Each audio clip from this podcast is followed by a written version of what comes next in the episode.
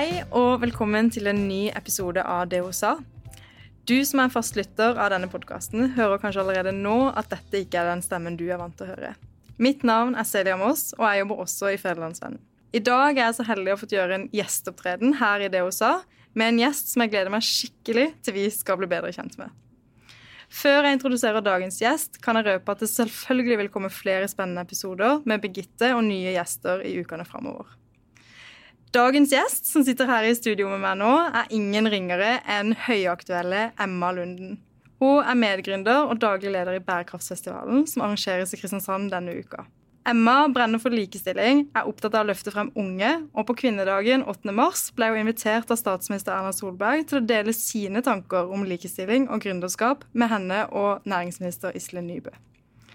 Som ung kvinnelig gründer så har hun gjort seg en rekke erfaringer som jeg tror flere enten kan kjenne seg igjen i eller kan lære av. Så før vi hører mer om det, hjertelig velkommen hit i dag, Emma. Tusen takk. Veldig stas å være her. Ja, Så bra. Så gøy at du kunne komme. Ja. Eh, kan ikke du rett og slett begynne med å fortelle oss litt om deg sjøl? Meg sjæl, ja. Eh, jeg heter Emma Lunden, er 24 år. Jeg kommer fra ei lita bygd som heter Ulefoss. Det er midt mellom Bø, Sommerland og Skien som kanskje flere kjenner til. Mm. Eh, og Ulefoss er også kjent for Telemarkskanalen. Det er litt sånn eh, tips til norgesferie, ja. i og med at vi er i den eh, verden av i dag. Veldig fin eh, sluse oppover der, altså kan Telemarkskanalen. Og så har vi også eh, Kumlokka. Så hvis en ser ned, så finner du den nesten i hele Europa. Så det, egentlig så er jo Ulefoss eh, verdenskjent. Eh, men ja, jeg er jo også gründer og daglig leder av Bærekraftsfestivalen, som du mm. så fint sa. Eh, jeg er også mentor på UiA Nyskaping, eh, hvor jeg også går skift entreprenørskap og økonomi. Og så, ja, er jeg jo veldig glad i å styre med prosjekter, henge meg på ting. Altså, Jeg liker at ting skjer. Mm. Jeg er jo veldig glad i arrangementer, så jeg vil jo si at det er jo litt kjedelig disse tider. men eh, men det, det, kommer en dag for det igjen, tenker jeg. Ja, Så det var litt om meg. Ja, Du har mange baller i lufta, det er det ingen tvil om. Kan du ikke fortelle hva er Bærekraftsfestivalen? Ja, altså Bærekraftsfestivalen, eh, som vi har så fint sagt det på misjonen vår, er at vi skal øke kunnskap om bærekraft eh, og skape samarbeid på tvers av generasjoner, kulturer og ulike organisasjoner. Eh, og det som er på en måte poenget, er at eh, en trenger en plattform hvor både unge og næringslivet kan møtes. Eh, og det er ti år Nei, nå er det ikke ti år igjen. det er ni år igjen til bærekraftsmåla skal være nådd. Og det er altfor lite kunnskap der ute om bærekraftsmåla. Altså, mm. Jeg sjøl, når jeg starta med Bærekraftsfestivalen, visste så vidt hva, hva bærekraftsmåla var. Ja. Jeg trodde det var miljø og klima, som kanskje mange andre også ser for seg. Men det er jo så mye mer. Eh, og jeg fant jo min inngang i likestilling og mangfold. Eh, og det å samle mennesker. Altså bærekraftsmål nummer 17, samarbeid for å nå målene. Og det er jo så, det er noe fint med det, eh, å kunne skape gode samarbeid for å kunne jobbe for en sak som er så mye større enn seg sjøl. Så det er jo det Bærekraftsfestivalen er. Det er jo Vi skal jo bare øke kunnskap og skape samhold og samarbeid gjennom arrangementer. Det høres jo utrolig spennende ut. Mm. Og så eh, sa jeg innledningsvis at denne festivalen foregår nå. Er det, hva er det du står midt oppi akkurat nå, egentlig, Emma? Nei, altså Akkurat nå så er det jo altså, kaos. kan vi ikke si det? Ja, det kom jo nye retningslinjer natt til lørdagen som gjorde at eh, ting ble jo snudd veldig på huet, for vi tenkte jo at vi kunne gjennomføre i en litt mindre skala. Eh, vi skal jo bl.a. ha en konferanse på Kilden, hvor vi hadde tenkt eh, Expo på utsida med elbiler, båter, motorsykler og eh, mange bedriftsutstillinger. Store navn skulle komme til Kilden. Vi skulle også ha en bærekraftsvandring hvor vi gikk med vann fra midten av Torvet til toppen av Odderøya og håpa litt på sånn folkefeststemning. Eh, og en sustainaton hvor en skal løse caser over 30 timer med studenter fra hele Norge. Så det er jo, det er jo veldig mange arrangementer som skal samle mange mennesker. Mm. Eh, og det er jo ikke den verden vi lever i i dag. Eh, og vi tenkte jo at vi skulle få det til i en liten skala, men nå har det jo gått fra å være seks arrangementer til å bli ett. ja. Et uh, digital uh, konferanseevent nå på fredag. Ja, det skjedde jo litt sånn i huet og hast og uh, avlyse og alt ja. sånt. Så en blir jo kjempegod på risikostyring og løsningsorientert, mm. ikke minst. Fordi dette er ikke første gang dere har måttet gjøre endringer i programmet og planen rundt bærekraftsfestivalen, er det det? Nei, altså Det samme skjedde jo i fjor. Eh, vi starta jo tilbake i 2019 og hadde tenkt å ha første eventet i 2020, ja. i juni. Eh, og så kom jo da denne lille pandemi lille, som, eh, som, gjorde at det ble litt vanskelig å få til. Så, men da var det jo heldigvis i april så innså vi jo at da var det ikke mulig å få til. Og da var det jo to måneder i mm. forveien. Nå var det jo fem dager. Så det er jo noe med det at tidsperspektiv hvor en får muligheten til å snu, eh, snu i svingen, er jo litt eh, kortere. Men eh, det ordner seg alltid. Ja, du har jo en utrolig sånn, positiv innstilling til dette, det merker jeg jo. Selv om det sikkert ikke var dette du ønska deg. Men du tar det på en veldig konstruktiv måte. Kan du kanskje mm. fortelle litt mer om hvordan det har vært? For det kan jo ikke være bare bare å måtte gjøre så om på store Nei. ting man har planlagt. Altså, det er veldig kjedelig. Altså, mm. Fordi at noen har planlagt noe i to år, Altså går for andre gang ikke og så tett opp mot. Så jeg må jo si at det Altså, det har ikke slått meg helt ennå, tror jeg. Nei. En går en litt sånn der eh, En setter opp en liten sånn vegg som en bare må, må holde der til en har kommet seg gjennom det en trenger å komme seg gjennom. Mm. Så når vi fikk beskjed, det var jo på fredag, så hadde vi jo tenkt å ha en afterwork på senteret. For det har vi hatt eh, nå for å samle oss som har jobba med Bærekraftsfestivalen, bare for å ta en litt fot i bakken. og og komme oss videre, da. Så eh, når eh, vi da Vi hadde sittet og prata, jeg og typen min, eh, en halvtime før vi skulle starte afterworken, så mm. kommer vi ut i gangen fordi han skulle dra. Og da kommer Bjørn, medgründer av Bærekraftsfestivalen, inn og klar, med, klar til afterwork. Og så ser jeg bare det tikker inn en melding på telefonen at Kristiansand strammer kraftig inn. Og da ble jeg bare sånn nå må jeg bare gå og sjekke PC-en, jeg. Ja. og så gikk jeg og sjekka dette, og så ser jeg bare alle arrangementer eh, avlyses, eller eh, altså at det ikke er lov til å ha arrangementer. Så da går jeg bare og sier eh, til de at eh, Bærekraftfestivalen er avlyst. og, og, var vel egentlig altså, i sjokk og litt sånn Hva gjør vi nå? Altså, det er jo så mange involvert. Altså både partnere, deltakere, eh, folk som skal bidra på scenen. altså Mm. Det, altså, jeg vet ikke hvor mange parter som er eh, involvert i dette. Så det er eh, Kan du huske hva du tenkte eller følte når du bare ja. fikk den beskjeden? Altså, Jeg ble bare sånn jeg må, jeg må bare bevege på meg. Jeg husker jeg bare sa du, eh, jeg må bare gå litt. Så gikk jeg bare opp og ned trappene og gikk til noen andre som også satt på bygg og bare Ja, nei, nå er Bærekraftsfestivalen avlyst. Ja. Som om det skulle være verdens mest naturlige tingen. Men ja, Så når de andre kom på teamet, så satt vi jo egentlig bare på taket og hadde nesten litt sånn der galgenhumor. Det var bare ja. altså, Skal vi flytte det til et annet sted? Skal vi, hva, altså, hva gjør vi nå? Mm. Eh, og så begynte vi jo egentlig bare å legge større planer for neste år. så det, det gjorde det, ja. ja. ja. Så det er jo noe med det å Altså, jeg må se på det positive. Mm. Og alt det vi har lagt inn i dette her, er jo ikke forgjeves. Selv om det føles som at det blir eh, litt som å starte på nytt. Men hva tenker du at du har, har fått ut av å jobbe med det da, uansett? Mm. Om det blir ett arrangement eller seks som dere egentlig hadde planlagt? Altså det, det, blir jo noe å vise til. Fram til nå så har vi jo kun hatt ett arrangement. Eh, så det er jo litt sånn tynt i den der blokka når en skal gå ut og få samarbeidspartnere eller andre som vil være med. Så det var jo det som var veldig viktig for oss i år, var jo det å få vist fram hvem er vi, hva er det vi har lyst til å få til, og hvor store ambisjoner er det vi egentlig har. Mm. Altså I starten så gikk vi jo rundt og pitcha at uh, vi skulle ha Bruno Mars uh, til å komme og spille. Og så gikk jo det litt tid før vi innså at det var jo ingen som trodde det var realistisk eller kom til å skje i det hele tatt, så vi måtte jo justere litt på planene. Men nå er vi mm. på en måte på et sted hvor vi kan bygge oss oppover. At det var mye større enn den ideen vi i utgangspunktet hadde, og vi har gjort i et sånt tempo som gjør at vi har måttet tatt én ting av gangen, og når vi har blitt trukket litt tilbake, så har vi fått tid til å puste og eh, tenke og gjøre det på en ordentlig måte, da. Vi er jo en ung gjeng som har starta noe ja, for hvem er det egentlig? For du, du, er jo ikke aleine. Du har Nei. med deg to partnere. Eller to medgründere. Ja, altså vi, vi var jo tre stykker som starta dette her. Det er jo Øyvind Ego Stenberg, Bjørn Andreas Mong, og så er det meg.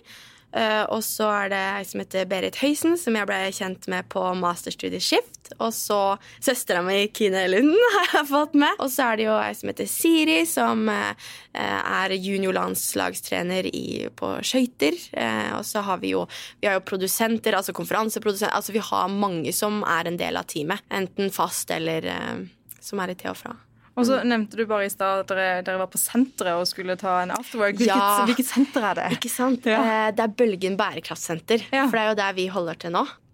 Veldig ålreit, og de, de, eh, bygger opp noe kjempebra. Så jeg håper jo at eh, enda flere ønsker å være en del av det senteret etter hvert. Mm. Sånn at en kan skape litt synergier og er det der dere har hatt måte basen deres da, mens dere har jobba med det? Eller er dere, dere kanskje mobile, da, sånn som mange er blitt i det siste ja. året? Altså Først så var vi jo litt sånn eh, nomader at vi, at vi var eh, litt på UiA Nyskaping. Eh, og så har vi vært på Coworks i en periode. Var jo med i Gründerhub.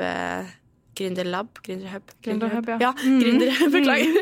Gründerhub der. og fikk jo veldig god hjelp i starten, både ja. av UiA Nyskaping og på Coworks. Og så mm eh, satt vi jo hjemme en stund, og så endte vi jo på bærekraftsenteret. Det høres ut som du har et ganske stort nettverk. Det, hadde du det fra før, eller er det noe du har bygd opp underveis? Eller, for du kommer jo egentlig ikke fra Kristiansand. Altså, Jeg har jo forelska meg i Kristiansand. Det er jo en helt nydelig ja. by. Sørlandsidyll. Mm, det er jo hyggelig for oss som kommer herfra ja, høre. ja. Og spesielt nå om sommeren. Og så har det jo regna masse, da. Det, det, var det ingen ja. som sa, men uh... Nei, det holder vi hemmelig. Ja. Men eh, nei, altså, det som var når jeg kom hit, så var det jo for å studere økonomi og administrasjon. Mm. Eh, og jeg blei jo veldig fort en del av Start UiA.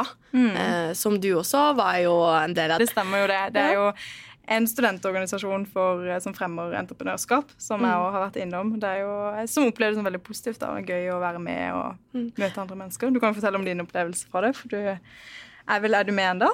Uh, nei, uh, ikke nå. Jeg gikk vel akkurat ut som mentor, egentlig. Ja. Mm. Så, men, men altså, det som er fint med Starter, ja, det er jo at det fellesskapet og mm. samholdet mm. som er, eh, og som en bygger opp, og det at du kan møte folk på tvers av linjer, så hva du studerer, altså på tvers av landet. Så det er jo veldig gøy å kunne skaffe seg et nettverk på tvers av landet også, som en fortsatt kan holde litt kontakt med, eller bare 'Hei, jeg var jo med der, det husker du meg?' eller et eller annet sånt. Ja, absolutt. Det er veldig verdifullt. Mm. Så når jeg ble med der, så begynte jeg jo Altså, jeg har jo alltid likt det å arrangere arrangementer. Eh, helt siden jeg var ung, eh, så Altså, jeg likte ikke å kjede meg. Det er vel der det ligger. Jeg husker så godt den gangen mamma sa at eh, nei, i dag så får du ikke lov til å ringe noen venner. Det var jo på barneskolen da. Nå skulle du bare leke med deg selv hele dagen. Og jeg blei så sur. Jeg visste ikke hva jeg skulle gjøre. Jeg bare sånn ha det gøy med meg selv. Hva skal jeg gjøre da? Så jeg drev og hoppa på trampolina og fikk en ganske bra dag, da. Men uh, det, det, husker jeg som litt traumatisk, faktisk. men, men uh, hva trekker du ut av det? Altså, eh, hva tenker du at Det virker jo som mennesker betyr mye for deg, da, det å ha folk rundt deg. Det, um, hvordan påvirker det deg? Nei, altså det er jo det er jo veldig viktig altså, å få nye impulser. Altså, jeg tror, jeg tror det med fellesskapet ja. er veldig viktig. Det å kunne samle mennesker. Og det er jo derfor jeg er så glad i eventer også. Fordi at du kan skape minner, du kan skape opplevelser for noen andre enn deg sjøl også. At du ser eh, Hvis en arrangerer noe, da, så er det noen som kommer, og så ser du at, liksom, at de får en glede av å være en del av det fellesskapet. Mm. Så jeg har alltid likt veldig godt det at en ikke har Altså, jeg har jo vennegjenger, men det er jo noe med det å også kunne ha litt sånn enkeltindivider. At en trenger ikke å være så gjengete hele tida, men mm. altså skape en felles, felles arena hvor alle kan være invitert og inkludert. Da. Mm. Det syns jeg er veldig fint med det å kunne arrangere noe selv også, at en kan skape disse møteplassene. Hva er det du tenker at, at er det beste som kan komme ut av det at folk møtes? Mm. Altså jeg tenker Det er jo veldig mange som har ulike hverdager, f.eks. Altså, noen er omringa av mennesker hele tiden, mens andre ønsker kanskje å møte flere mennesker. Så det beste er jo hvis en kan få nye bekjentskaper, kanskje en kan få nye venner eh, hvis en trenger det. Altså at en kan få seg nettverk, eh, jobbmuligheter. Altså, mm. det er jo, altså, mennesker står jo for alt som skjer, for det meste, så det er jo noe med det at en trenger En trenger jo mennesker rundt seg ja. for å kunne komme fram i livet.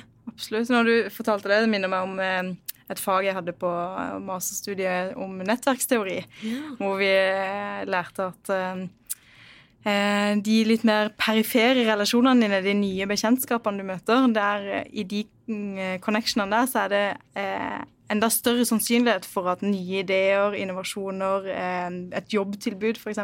skulle dukke opp, enn i de relasjonene som du har veldig tett. Eh, fordi man har så stor grad av hva skal si, overlappende hverdag, da, eller overlappende liksom, sosial verden. Så dette veldig, støtter veldig det du sier, da, i, og mm. hvor viktig det er å skape møteplasser og, og arenaer hvor nye folk kan møtes, og kanskje finne løsninger da på om det er bærekraftsmålene eller, eh, eller helt andre ting. Mm, absolutt. Eh, du nevnte bare så vidt eh, oppveksten din og et litt sånn gøy eksempel. Men hvor mye tror du det, det du har opplevd i ungdomstida, og, og på en måte har forma deg til den du er, og det du har lyst til å oppnå i dag? Altså, jeg tror nesten det har alt å si, jeg. Jeg tror så mye skapes og danner seg altså, i forhold til den veien en ønsker å gå når en er i, på barneskolen og ungdomsåra. Mm. Eh, så det jeg er veldig opptatt av, er jo at ungdom skal opp og frem. At de skal få muligheter til å prøve og feile, for det var noe av det jeg følte at jeg fikk. Mm. Eh, og som gjorde at jeg har turt å på en måte ta litt andre retninger enn kanskje alle andre ville typisk gått. Altså for det å starte for seg sjøl er jo liksom ikke en typisk vei nei, nei, bestandig. Så jeg husker veldig godt når vi var på um, Gikk vel i åttende eller niende klasse, og så var jeg en gjeng som ikke var så veldig gira på, på ungdomsklubben. da. Mm. Eh, var veldig gøy å være ute og overalt. Så eh, ville jo jeg være med på det, for det var jo der det skjedde. Det var jo der det var mennesker og litt sånt. Så jeg prøvde jo å komme meg ned der og så litt på de som var eh, mer hva skal jeg si, fremoverlent, som var med på alt, som kjente alle. Eh, og blei litt sånn der misunnelig. Jeg ville også være sånn. Jeg ville også kjenne alle disse menneskene. Jeg ville også ha det sånn gøy. Så da begynte jeg bare å tenke sånn OK, hva må jeg gjøre da? Nei, da må jeg begynne å åpne meg mer opp. Jeg må kanskje delta på litt mer. Jeg må tørre å på en måte gjøre litt mer ut av meg sjøl. Mm. Um, og så fikk jeg jo mulighet til å være med og arrangere ulike konserter og eh, Det var noe som heter Ja, UKM var jo med å mm. arrangere. Eh, Ungdommens kulturmønstring. En eh, festival som heter Sluserock, var jeg jo backstage-ansvarlig på. Altså, en, en, fikk veldig mange muligheter når en bare sa ifra at Sign me up, jeg har lyst til å være med. Hva, hva kan jeg gjøre som er kult? Mm. Um, og, det, og det har jo gjort at jeg har alltid pusha litt framover eller søkt til de miljøene jeg ønsker å være en del av. Også litt sånn når jeg kom til UiA, at jeg hadde lyst til å være en del av Start UiA. Eh, så da var det veldig viktig for meg å komme inn der. Eller Senter for entreprenørskap, hvor en kan lære mer om en litt mer kanskje usikker fremtid, men eh, hvor en kan bestemme litt sjøl, da. Mm, for det, det, er jo ikke eh, bare lett å hoppe i en sånn gründertilværelse som du befinner deg i. Det tipper jeg alle som har vært borti det, kan si seg ganske enig i. Eh, kan du fortelle litt om hvordan det har vært? Hva var det som på en måte leda fram til at du turte å ta steget, og hva, hva innebar det for deg? Mm. Altså, sånn som det starta, var jo egentlig gjennom Startu, ja. For jeg blei eh, prosjektleder for en eh, gallamiddag, eller en motivasjonsmiddag. som heter Gallamiddagen damene først. Ja, så etter det Det var jo da jeg blei kjent med Øyvind Ego Stenberg, som er eh, medgründer av Bærekraftsfestivalen. Mm. Uh, og han snakka hele tida om bærekraftsmåla, uh, og at vi skulle gjøre noe enda større enn den middagen, bare på Kilden med fokus på bærekraftsmåla. Og jeg var sånn Ja, det er jo arrangement, så kult. Hva skal ja. vi gjøre? Jeg drev og snakka om dette flere ganger, og, og, til slutt så sa jeg bare OK, men kanskje vi skal sette oss ned da, og bare se på mulighetene. Og så var Bjørn Andreas Mong hadde også Øyvind snakka med, så vi, vi kobla på oss tre. Eh, begynte å prate og hva kan vi få til, og det bygde seg jo bare større og større og større. Som jeg sa, så gikk vi rundt og pitcha i fire måneder om at vi skulle ha med Bruno Mars, og vi skulle ha nesten en sånn nattevandring og store konserter. Ja, det var Ja, gudene veit hva, hva som skulle være da. Men eh, når jeg da skulle fortelle dette hjemme Jeg husker jo det som eh, Hva skal jeg si? Det var jo litt skummelt. Skulle tørre å stå for en litt usikker framtid, da. Ja. For vi hadde jo ingen partnere. Vi hadde jo ingen som kanskje trodde på oss der og da. Det var jo kun en tanke og en idé om at vi skulle skape noe for å sette fokus på bærekraftsmåla. Så det gikk vel eh, noen uker før jeg turte å ta den telefonen hjem. Og da var det litt sånn Ja, nei, jeg tenker kanskje å ikke ta master allikevel, jeg. Og heller bare prøve å satse litt. Det er liksom nå jeg må gjøre det, og nå har jeg sjansen, jeg har ingen forpliktelser. Hadde liksom notert meg ned litt sånne der fraser, da. Argumenter, nesten. Ja. Ja. Så, fordi at det er jo Altså, den ofte naturlige veien er jo det å gå rett på master. Men Mm. eh, jeg følte at det, det Jeg var ikke klar for det. Jeg hadde Nei. lyst til å gå en litt sånn usikker vei i møte og prøve å gjøre noe helt nytt. Ja, Så- det er jo veldig tøft. Hvilken respons fikk du da på, fra omgivelsene og hjemme? Og... Nei, altså det- Altså, det å skjønne noe som ikke har blitt starta på engang, det er jo veldig vanskelig. Altså, Ja. Men mamma og pappa har jo alltid vært veldig støttende, men de var jo veldig sånn Går det bra med økonomien? Åssen går det med deg? Eh, har du det bra? Ja. men, eh, så jeg dro jo hjem eh, i et par måneder for å jobbe i Telemarkskanalen. Så jeg, for jeg har jobba der som slusevokter. er altså. Der står vi og jekker opp eh, portene hver dag. Og det, altså, dere må sjekke ut det, altså. Så, og da snakka jeg jo med, med mange. Jeg gjorde nesten markedsundersøkelse i, eh, i disse slusene. For det var jo brått så snakka jeg med noen i Kristiansand som hadde lyst til å gi meg en eh, delt, eller liten prosentstilling på en bedrift her eh, som en sånn sidejobb, da. Det er utrolig hva som kan skje når du først begynner å prate med folk. Med folk, ja. Men det var, altså, og venner og sånt skjønte jo heller ikke hva dette var. Men jeg var veldig tydelig til de at, at eh, For det hadde jeg skjønt at det kanskje var litt viktig å si ifra om at jeg vet ikke hvor mye tid jeg kommer til å få nå framover.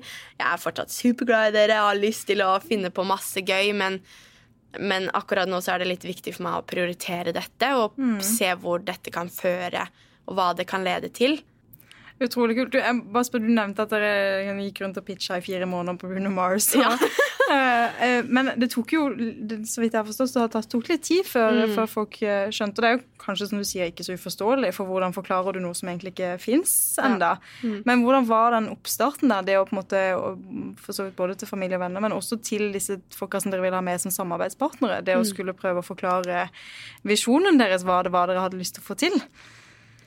Altså Vi prøvde jo altså Vi er jo litt sånn visuelle at vi prøvde med mye bilder, og dette har vi tenkt, og alle mulige ting. Så vi, vi gikk jo rundt altså Det var jo fra september til november begynte vi vel å få noe noe napp, på en måte at det var noen, men det var nesten som å stå på våre to knær og bare Kan dere være snill og bare si ja? For vi trenger bare det første ja-et. Ja. Eh, så, men vi drev jo og tilpassa litt, og vi tok det jo tilbake på en tidspunkt hvor vi bare sa OK, hva er realistisk å få til? For det vi i utgangspunktet hadde satt, var jo bare masse drømmer som vi hadde for eh, hvordan dette skulle bli. Og så er det noe med hva, hva er mulig å få folk med på nå i første omgang? Så vi gikk jo mye tilbake på det vi hadde av drømmer, men det kommer vi jo tilbake til på et punkt, ikke sant? Eh, og fikk pitcha det, og da fikk vi jo nesten all finansiering på halvannen måned, faktisk. Eh, og da var det jo Avfall Sør, Dyreparken, Henning Olsen og Sparebanken Sør blant annet, som var veldig på Det er store navn dere har fått med dere. Ja, vi er veldig heldige. Altså det, det at de hadde trua på oss i det hele tatt, det er jo det, Ja, altså den følelsen er bare, var bare helt ubeskrivelig. Men hva, hva er på en måte grunnen til at dere ønsker partnere? Hvorfor vil dere ha med folk for å samarbeide om dette? Altså Det er jo bærekraftsmål nummer 17, da. Ja. Samarbeid for å nå målene. Og det er eh, Altså, Bærekraftsfestivalen er jo starta av oss, men det betyr ikke at det er vårt. Altså Vi ønsker jo at alle skal ta eierskap til Bærekraftsfestivalen. At det er noe som skal sette Sørlandet på kartet. At eh, det er eh, At alle skal føle at de er en del av noe. Og det er jo litt det tankegangen jeg alltid har hatt. er At eh, alle skal på en måte føle seg inkludert.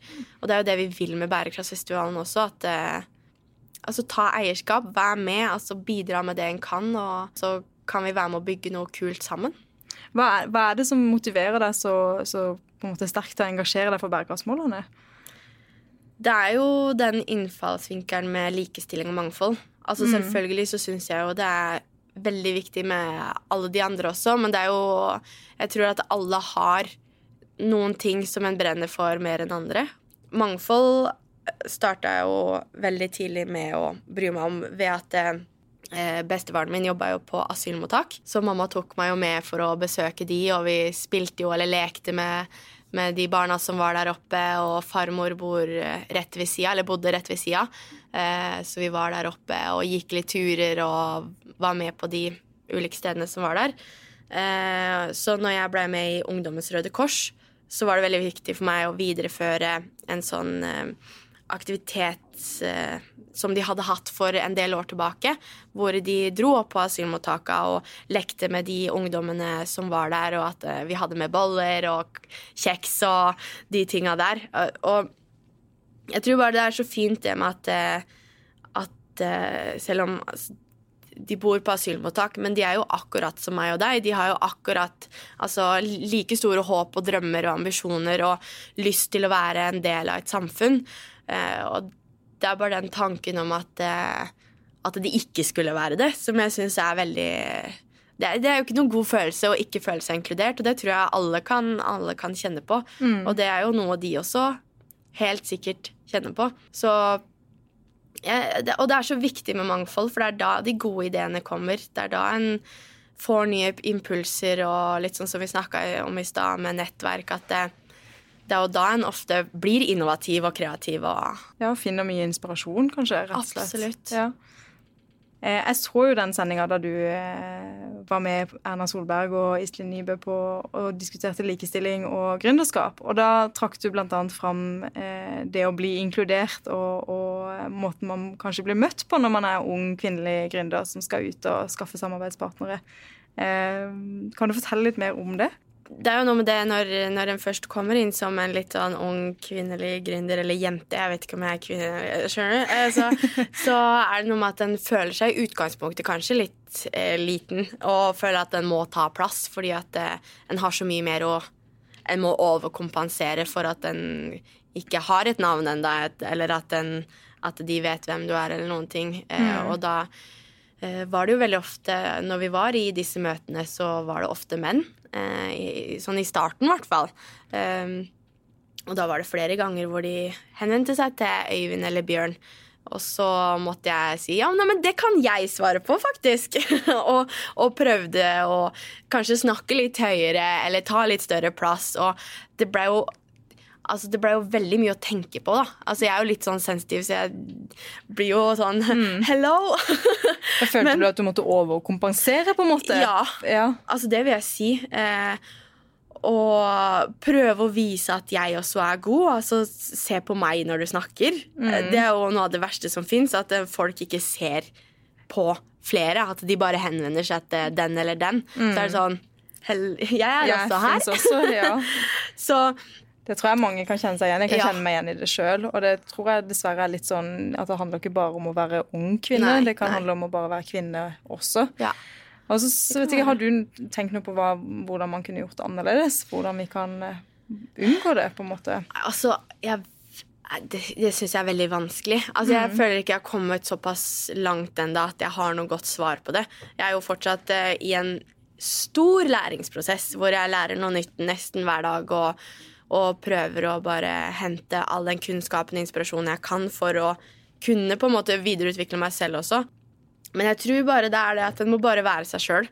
Og så må en ta den plassen en trenger å ta. Altså, En trenger ikke å En skal ikke måtte overkompensere, tenker jeg. Nei. En skal bare være tydelig, være akkurat sånn som en er. Og så er det jo noe med i hvert fall de en jobber sammen med, at en har en samtale om det. At eh, hvordan går vi inn i et møte? Hvordan møter vi de? Hvem er det som egentlig står for praten? Og eh, ja, hvordan en skal gjøre ting. Og vi, vi, har jo en veldig god dialog rundt det hele. Eh, og de er jo gode på veldig mange ting som jeg ikke er god på, og så er jo jeg kanskje god på noen ting som de ikke er gode på. Mm. Og da handler det om å spille hverandre gode, og det har vi vært veldig gode til å gjøre. Og det tror jeg er mye av god kommunikasjon, da.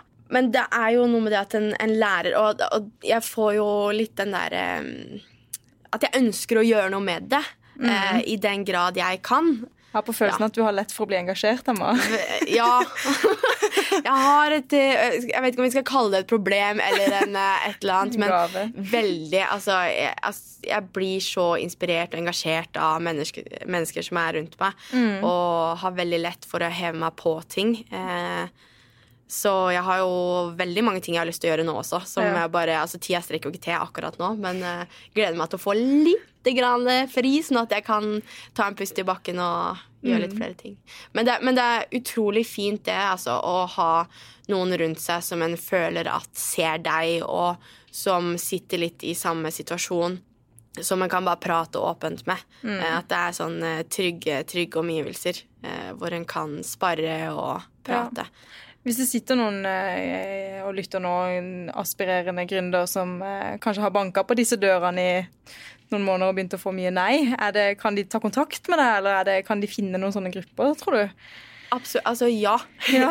ja. men ring meg, altså. Det, det syns jeg bare er veldig gøy. Ja. Eh, for jeg vet hvor mye det betydde for meg å ha noen som jeg kunne prate med når jeg hadde lyst til å bli gründer, f.eks. Det, det, men det er noe med å ha noen å spare med som en, en føler altså at hvis en vil i en, i en retning, da, altså hvis en vil i en retning som jeg er på, så er det jo mye bedre å spørre hvordan er egentlig livet. Altså, kunne det vært noe for meg å bare spare litt rundt det? Mm. Så det, altså, det er mer enn gjerne. Ja, så bra. Og det syns jeg er fin, et fint sted å dra det over til en sånn fast spalte som Birgitte har hatt i denne podkasten, som de har kalt for eh, Fremsnakk. Eh, og da lurer jeg på, Er det noen som du har lyst til å fremsnakke som du syns har vært viktig for din utvikling? Ja, jeg tenker jo eh, først og fremst på hun ungdomslederen vår. Eh, Heidi Elise Strand. Ja. Eh, heia Heidi, altså. Hun var så rå og alltid eh, det, det viktigste for henne var at vi skulle opp og fram. At vi skulle vises fram hvis det var noe arrangement som Hun var jo selvfølgelig arrangør bak, men så var det alltid ungdommene som blei løfta fram. Se mm. her hva de har fått til. Eh, dette har de arrangert nå. Altså, uansett hva det var, så var det OK, ta, ta eierskap. Altså hun ga oss eierskap. Hun lot oss prøve, hun lot oss feile, og lot oss på en måte bare ha det gøy eh, innen trygge omgivelser. Anbefaler alle eh, som er voksne, og på en måte gi ungdom rom til å prøve og feile. Inviter de inn. Ja, mm. ja det er veldig, veldig, veldig fint. Um, sånn helt sånn på tampen avslutningsvis, er det uh, Du har jo gjort deg mange erfaringer de siste årene, det er det ingen tvil om. Har du noen tips og råd som du har lyst til å dele med, med andre som eventuelt står i lignende situasjon? Ja, altså det er jo det å snakke med folk. Altså, ta kontakt, bare spør sånn som de eh, miljøene som en har på UiA, og altså alle andre universiteter har slike typer miljøer som Start UiA eller Senter for entreprenørskap, hvor de også har UiA Nyskaping, så er det noe med det å eh, be, altså, befinn deg på de miljøene som du ønsker å bli en del av. Mm. Eh, og bare tør å snakke åpent om det du har lyst til. Eh, spør Altså, send eh, meg eller Celia, for eksempel, ja, en, en DM på Instagram eller Facebook eller hvor det er. Altså, og, og våg og tør å drømme stort. Mm. Ha mot til å være deg. Eh, og altså, rett og slett bare gi litt faen. Mm. Altså, ikke bry seg om alt som skjer, eller at alle skal tenke eh, noe om Altså, folk har glemt det meste i morgen. Det er noe med det. At en tenker sjøl at uh, dette her å herregud, nå, dette her er noe av det største som sikkert kommer til å skje i løpet av alle sine dager, men det, men det er ikke det. Men det er ikke det. Folk har glemt det mest i morgen. Ja. Folk er oftest opptatt med seg sjæl. Det syns jeg er veldig gode tips til å tørre å være like modig som det du har vært, Emma. Tusen takk hjertelig takk for at du ville komme, og at du deler så åpent av det du har erfart og det du holder på med. Så takk for besøket. Tusen takk for at vi kom. Det var veldig gøy. Du har lytta til Federlandsvennens podkast 'Det hun sa' med Birgitte Klekken. Har du tips til andre bra damer vi bør snakke med, eller har du lyst til å dele inspirerende erfaringer fra ditt arbeidsliv? Ta kontakt på det hun sa, fun.no.